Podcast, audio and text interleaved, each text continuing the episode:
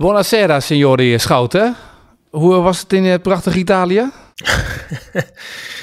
nou, Etienne, uh, ik zit daar nog steeds, dus het is er nog steeds prachtig. Het is wel een beetje donker nu. Uh, mooie raceweekend gehad. Met een uh, oranje bril op, toch een beetje met een desillusie naar huis voor het tweede weekend op rij. Maar ja, wat mij betreft mag de Formule 1 nog wel eens terugkomen. Ik weet alleen niet of ze dat gaan doen. Denk het niet. Je hebt hem wel uitgekozen hè? om weer erbij aanwezig te zijn bij een Grand Prix. Goh ja, het is wel een, een adembenemend mooi stukje Europa hoor hier. Het is echt, het is echt prachtig. Het ligt heel mooi ehm, Eigenlijk uh, ja, een uurtje van Florence of een uurtje van Bologna. Het is maar van welke richting je komt. Ja, echt tussen de kleine dorpjes in de heuvels. Uh, nou ja, je zal de luchtbeelden hebben gezien op televisie. Het is prachtig hier. En ja, ja, ik begrijp eigenlijk niet waarom de Formule 1 hier nog nooit geweest is. Nee, maar er gebeurde ook genoeg. Dus laten we er uitgebreid over gaan praten over deze Grand Prix. It's lights out and away we go. Valtteri Bottas pointing towards Lewis Hamilton gets an excellent start, and Max Verstappen's alongside Hamilton as well. And oh no, look!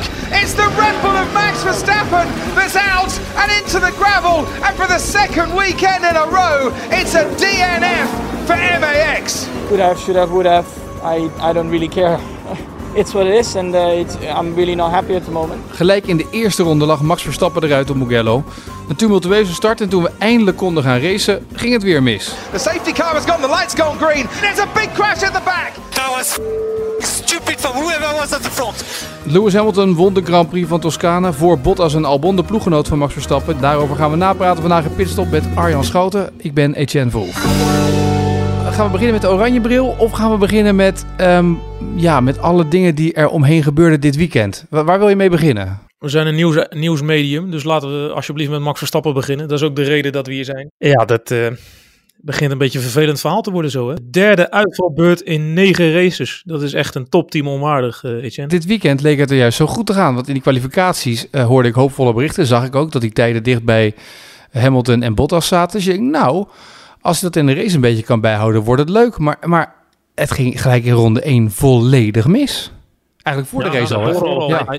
Hij dacht het zelf ook. Hij had zelf ook echt, echt hoop na die kwalificatie. Hij zat echt kort op die Mercedes'en. Uh, de, de Mercedes-chef-engineer die zei ook vooraf van... Uh, nou, ik verwacht die Red Bulls wel, want ze hebben er nog nooit zo dicht op gezeten in de kwalificatie dit jaar. Dus daar houden we echt wel rekening mee. Dus dat was, was hoopvol, hoopgevend. Maar ja, wat er dan gebeurd is, Joost mag het weten, maar... Uh, blijkbaar de problemen die in Monza de kop opstaken, die zijn, die zijn gewoon weer teruggekomen in die auto van Max. En dat proefde hij al, dat voelde hij al op weg naar de start toe. Toen klaagde hij al uh, over zijn motor. Vervolgens, uh, terwijl Andrea, Bocelli het uh, Italiaanse volkslied aan het zingen was, acht, negen monteurs rondom die wagen van Max. Hè, keihard aan het werk, sleutelen. Nou, we kennen die beelden wel van, van Silverstone. Ja, toen ging het alleen maar om een vleugel. het ging nu natuurlijk om de motor. Dat is wat precairder en wat lastiger natuurlijk. Maar op een gegeven moment ja, hoe uh, heftig het er ook allemaal uitzag en intensief. Op een gegeven moment uh, ja, waren ze klaar, blijkbaar. Eén, uh, ik zag één monteur die, die stopte nog een schaar en een paar stukken tape in zijn zak en ze liepen weg. Dus dan denk je, nou ja, opgelost, we kunnen rijden. Maar ja, meter of 150. Hij schoot langs Hamilton en toen, ja, toen was het vermogen weg. No power, no power. Ja, dat is toch wel. ja, dat is gewoon niet goed. Dat is gewoon slecht. Problems was not idling and had an anti-stall in the formation lap as well.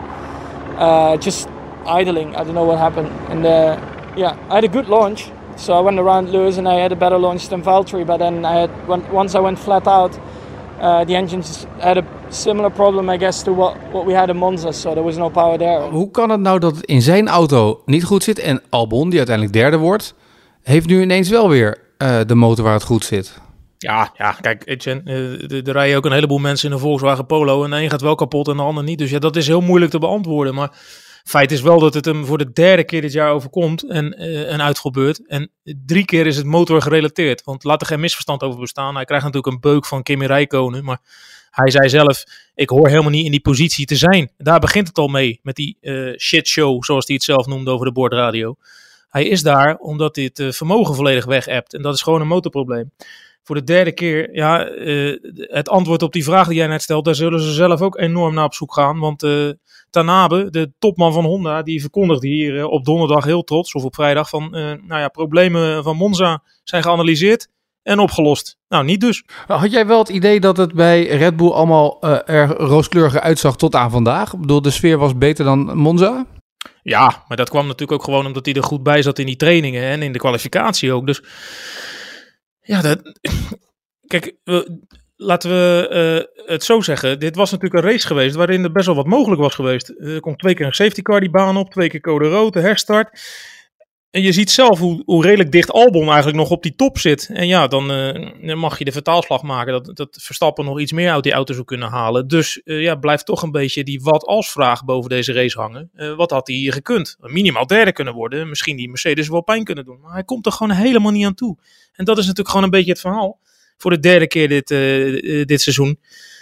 We weten allemaal, hij is misschien de beste, of, sowieso een van de twee, drie beste coureurs van, van, van die grid. Maar hij heeft de auto niet om dat voortdurend te laten zien.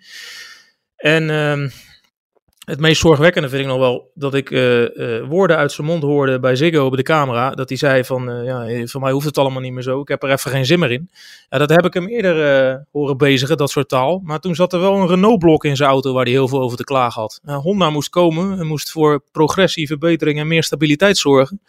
Ja, dat hebben ze vorig jaar gedaan, maar die lijn trekken ze dit jaar gewoon niet door. Ik vraag me af hoe het nu bij Max Verstappen op de kamer is, waar hij dan ook verblijft, hoe, hoe het daar is. Weet je, wat, wat er dan gebeurt. Wie zit er dan omheen? Wordt er geëvalueerd? Want je hebt ook geen zin om te praten, toch, na deze race? Je weet waar het mis zit. Nee, dat hebben ze ook niet gedaan. Het is ook geen sessie geweest of iets. Uh, Christian Horner kon zijn sessie ook niet meer doen. Volgens de perschef vanwege het feit dat er te veel rode vlaggen waren geweest en dat alles uitgelopen was. Ja, ergens snap ik dat wel. Tegelijkertijd, uh, als Mercedes verliest, uh, staan ze altijd wel te woord. Dat hoort ook bij een topteam zijn. Dus ik vind het ergens ook wel ergens een zwaktebod. Maar goed, hebben we mee te leven. Maar wat mij een beetje irriteert is dan zo'n persbericht. Hè? En dan uh, zegt Christian Horner, ik, ik quote nu even, bittersweet way. But it's fantastic to see Alex aan het podium. Jongens, daar doe je het toch niet voor. Je bent een topteam. Je hebt uitgesproken dat je wereldkampioen wil worden drie maanden geleden. En gaan we nu een beetje lopen juichen om een podium? Ja, ik vind dat gewoon een beetje beetje zwak, een beetje raar. Nou, bovendien, vorige week na Monza heeft hij ook zijn mediasessie afgezegd. En dus steeds als het even niet loopt, dan geven ze niet thuis. Ja, kijk, daar verwonder ik me al helemaal niet meer om. Dat gebeurt in het voetbal ook uh, geregeld. Dat weet jij ook. Uh, maar uh, ja, ja, wat moet je ook nog zeggen? Ik bedoel, ja, ik, ik hoop dat er intern met de vuist op tafel geslagen wordt. En je merkt ook, kijk, Horner en, en, en Marco, die, die waren tot nu toe heel optimistisch. Zelfs opportunistisch. Het glas is daar altijd half vol. Nee, hij kon nog kampioen worden, want... Maar, Max die gelooft daar natuurlijk al lang niet meer in. En je, je merkt nu dat hij ook steeds kritischer wordt. En uh, hij zei vandaag ook gewoon letterlijk van... Uh, ja, voor de tweede keer op rij gebeurt me dit. Dat, dat, dat is gewoon niet normaal. Dat mag niet. En ik hoor helemaal niet in die positie te zijn. En dat soort teksten. ja, je merkt gewoon dat het, de, frustratie toeneemt en dat zijn geduld meer en meer op de proef wordt gesteld. En je, vraagt je toch een beetje af uh, hoe zich dat gaat ontwikkelen de komende tijd. Ja, want uh, je weet dat het volgend jaar ook niet veel beter gaat worden. Uh, omdat Mercedes toch al ver voorop is. Ja, tenzij Honda nog een soort van trucje uithaalt in de winter. Dat ze nog iets eruit kunnen persen. Maar dan wordt het wel heel lastig als je het zo kritisch bent en niet zo happy bent. En dat het steeds erger wordt natuurlijk. Nou, er komt nog eens bij dat uh, de hele toekomst van Honda nog een beetje op het spel staat natuurlijk. Hè. Die hebben nog altijd niet die knoop doorgehakt of dat ze nou langdurig in die Formule 1 willen blijven. Ja, dit soort ja, non-resultaten helpen natuurlijk niet mee. En dan zegt Christian Horner wel, this issue is being looked into by Honda and the team in order to ensure this does not happen again. Ja, die kan ik ook optikken als perschef, maar wat koop je ervoor? Helemaal niks. Dat zeiden ze vorige week ook. Ja, dat betekent dat nog wel uh, de komende twee weken pittige gesprekken zullen gevoerd worden bij Red Bull, vermoed ik zomaar. Ja, eh, weekendje rust nu. Dat is op zich wel fijn. Daarna naar Sochi toe.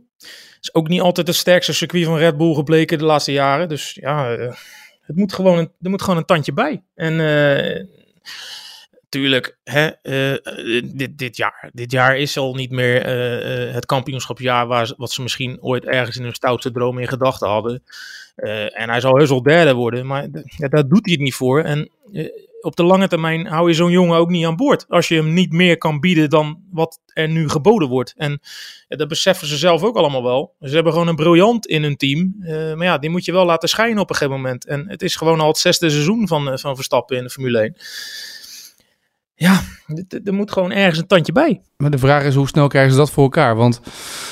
Uh, de komende, dit seizoen lijkt het niet te kunnen gebeuren. En is de vraag of het überhaupt volgend jaar kan gebeuren natuurlijk. Ja, het is gewoon heel moeilijk, absoluut. Daar heb je gelijk in. En dat heeft Max Verstappen volgens mij ook al uh, uh, ja, min of meer gezegd. Want hij zei eigenlijk dat het pas in 2022 uh, ja, op zijn vroegst weer spannend gaat worden. Maar ben ik heel erg cynisch als ik denk dat hij dat niet eens gaat afwachten 2022? Ja, ik ken de contracten van Verstappen niet.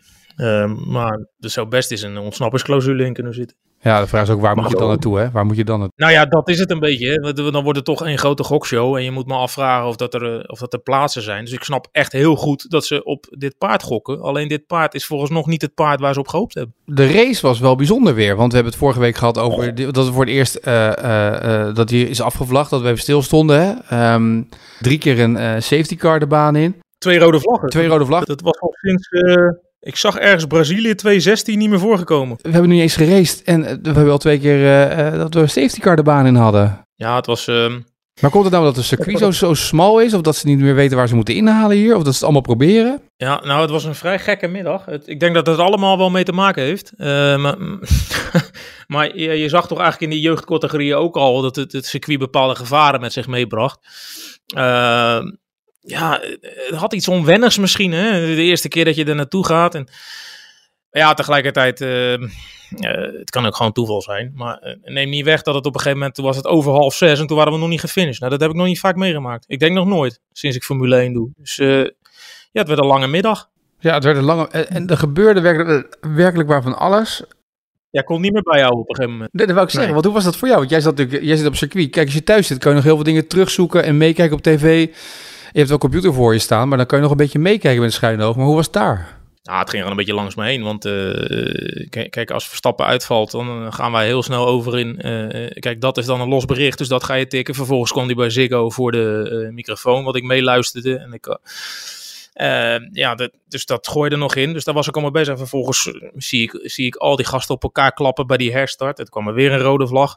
En ik heb heel slecht meegemaakt wat daar nou precies aan de hand was. Dat heb ik later nog wel teruggekeken. Dat harmonica-effect, dat Giovinazzi er vol in knalde. Maar ja, toen was ik zo'n beetje klaar. En toen kon ik weer naar de race gaan kijken. En toen zag ik, uh, wie was het? Lens Stroll dus snoeihard vanaf gaan naar een lekker band. Dus uh, ja, het, uh, ja dat, soort, dat soort races die worden dan in die perszaal altijd een beetje ontvangen van hop en daar gaan we weer. En holla, die, ze worden er ook een beetje jolig van op een of andere manier. Het is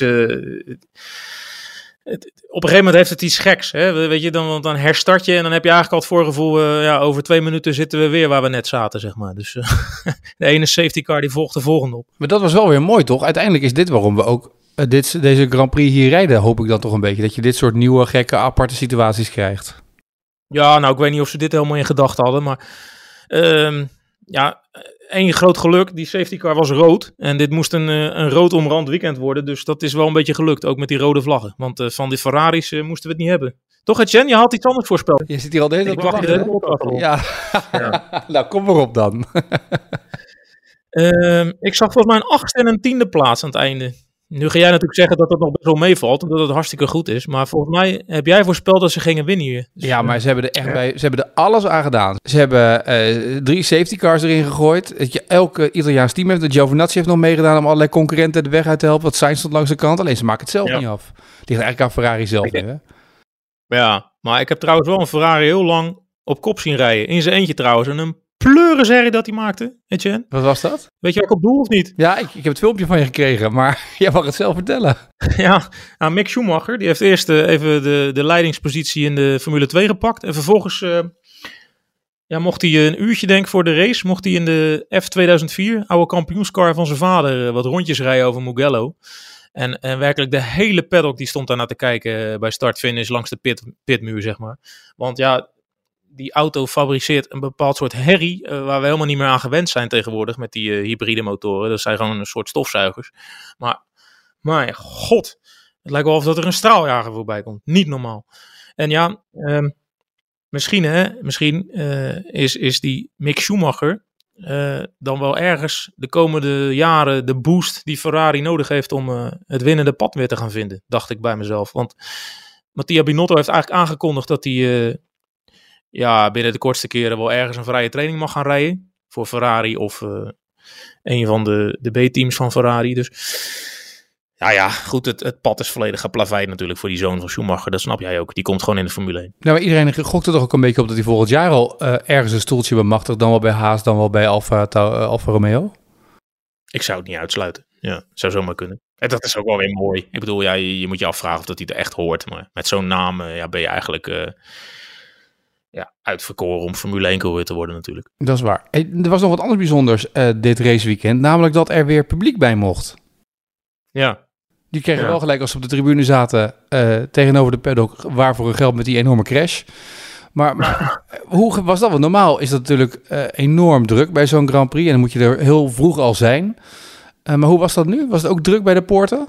Nee, het, het echt volkomen anders. Kijk, ik, ik zit in uh, Barberino. Dat is een, uh, een, een, dorpje op uh, nou, 20 minuten rijden. En dan rij je via Scarperia San Piero. En dat is eigenlijk het, het dorpje meteen naast het circuit. Ik denk anderhalve kilometer naast het circuit. En ehm, ja, van daaruit gaat er een weggetje naar beneden. En dan heb je links, ja, die bocht heet Arabiata 1, volgens mij. Daar heb je een tribune, daar mochten ze op. En je had gewoon een parkeerplaatsje echt, echt naast die tribune. Uh, ik denk, ja, hoeveel, man zat daar? Er zaten 3000 man of 2800 man in totaal. Dus daar zullen er 800, 900 hebben gezeten. Nou, iedereen kon netjes zijn auto parkeren. Of ze liepen gewoon vanuit Scarperia, dat heb ik ook gezien. Want ja, het waren toch maar iets van 800 man. En dan kon je zo de tribune op. En uh, ja, dat was aan de andere kant van het had je er ook een. En uh, het rechte stuk ook. Maar die mensen bleven dus volledig uh, buiten de bubbels. Hè. Formule 1 die leeft nu helemaal in bubbels. Je hebt een mediabubbel en je hebt een, een teambubbel en een, uh, een coureursbubbel. En de mensen die alles op en afbouwen. Dus de, die, die stroom ging volledig langs ons heen. Dus ik heb geen files gezien. Ik heb bijna geen mensen gezien.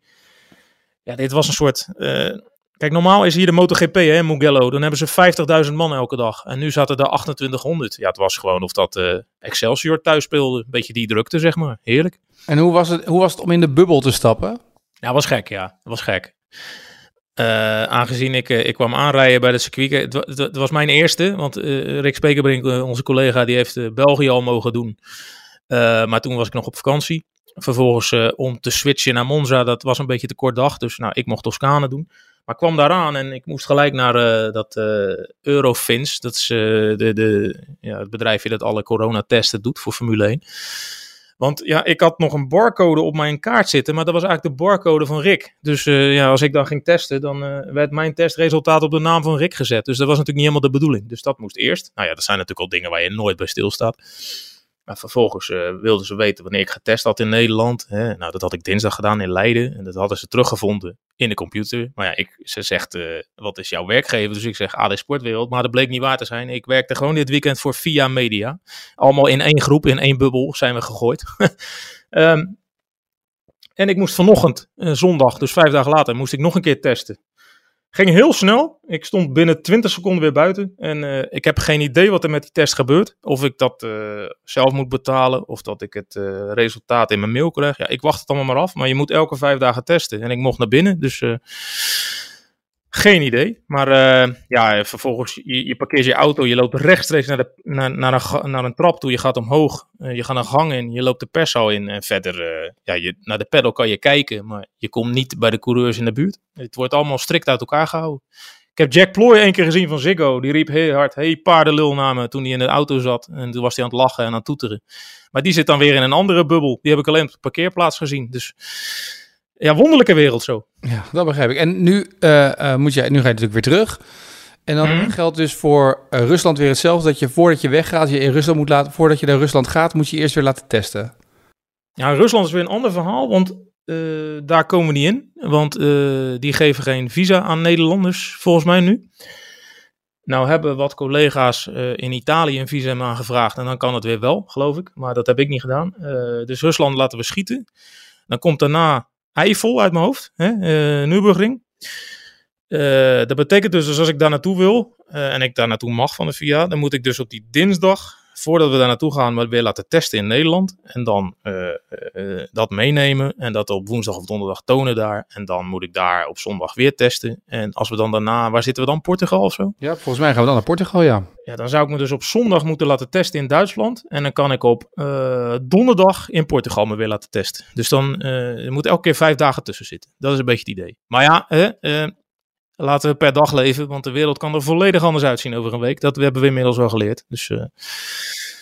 het was ook het weekend van Ferrari, duizendste Grand Prix. Was het een beetje een leuk Ferrari weekend? Ik vind dat het vrij geruisloos voorbij is gegaan.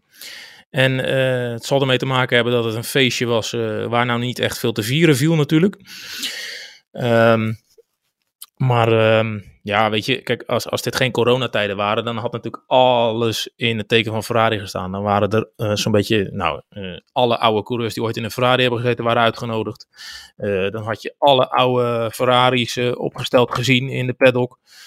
Ja, nu moesten we het doen met een of ander Ferrari-dansje van 20 danseressen, een half uur voor de start, met wat Ferrari-vlaggen. Het zag er prima uit, hartstikke leuk. Alleen, ja, kijk, het is geen massa-evenement nu. En dan, dan wordt het ook anders aangepakt natuurlijk. En er komt nog eens bij, kijk, donderdag is normaal de dag voor dit soort verhalen. Maar toen kwam Vettel even met zijn nieuws en dat, uh, ja, dat heeft eigenlijk alles weggeblazen toen. Vettel heeft wel even het nieuws, het podium gepakt natuurlijk en de boel gestolen. Ja, zou het een middelvingertje zijn geweest, denk jij? Nou, een heel kleintje. Dat was uitstekend getimed, hè? PR-technisch. Ja. Guerrilla marketing heet dat toch? Ja, dat heet guerrilla marketing dit jaar. Dat is echt een uitstekend staaltje guerrilla marketing wat ze daar gedaan hebben. Ja. En, die, en die Perez komt ook weer in een wagen te zitten, want die heeft natuurlijk genoeg Mexicaans geld achter zich. Zo, maar die is met verdikken me gepiepeld, of niet? Ja, die is gepiepeld. Maar ja, weet je, als je, met, als je het geld hebt zoals hij heeft, dan kom je toch echt wel in een wagen terecht volgend jaar. Ja, ja, wordt dat een betere wagen dan dat hij had? Dat lijkt me sterk. Nee, het lijkt me ook sterk. Dat is waar. Dat wordt niet een betere wagen. Maar hij kan in ieder geval nog door in de Formule 1. Die is gewoon gepiepeld, contract ja. afgekocht en klaar natuurlijk.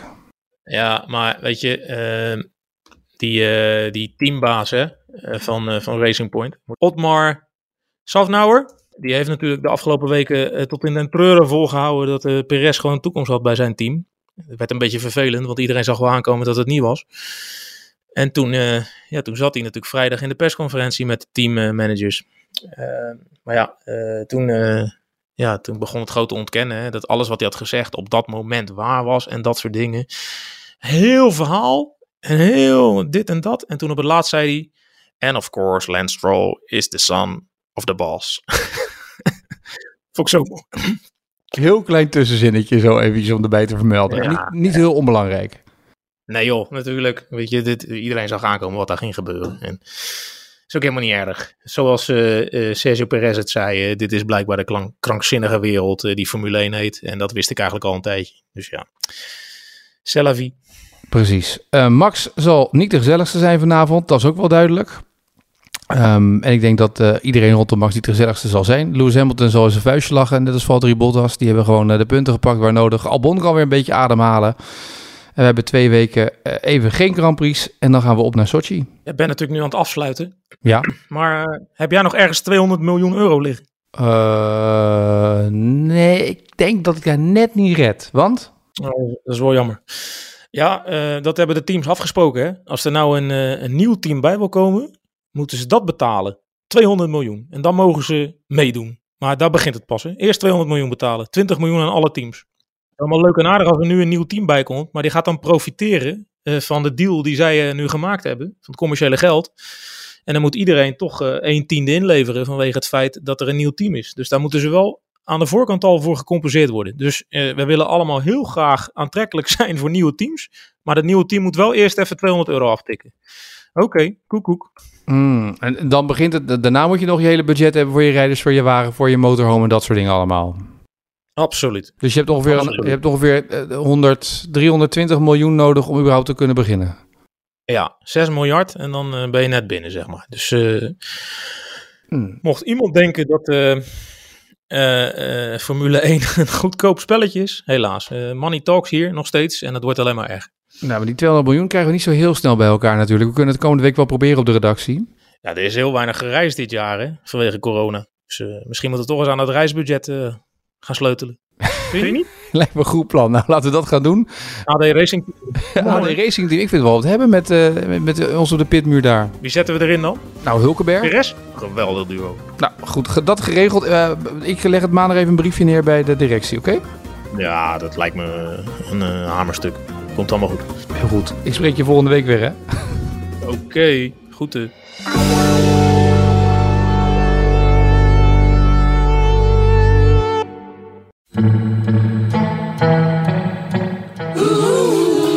Dit is de Val Allemaal Maar Kapotcast. Val allemaal maar kapotcast. Door zelfbenoemd Parel van Brabant, Björn van der Doelen en grote onbekende Boris Heijnen.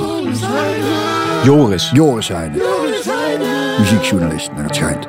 Een podcast zogezegd waarin de heren bandjes en artiesten analyseren en bespreken. Maar feitelijk gezien is het niks meer dan een goed excuus voor deze vrienden om eens te kijken of er nog wat lekkers onder de kurk zit. Zes bands ongeveer, denken ze te gaan bespreken. Ongeveer. Welkom bij de Allemaal maar kapotcast. Val Allemaal Maar Kapotcast.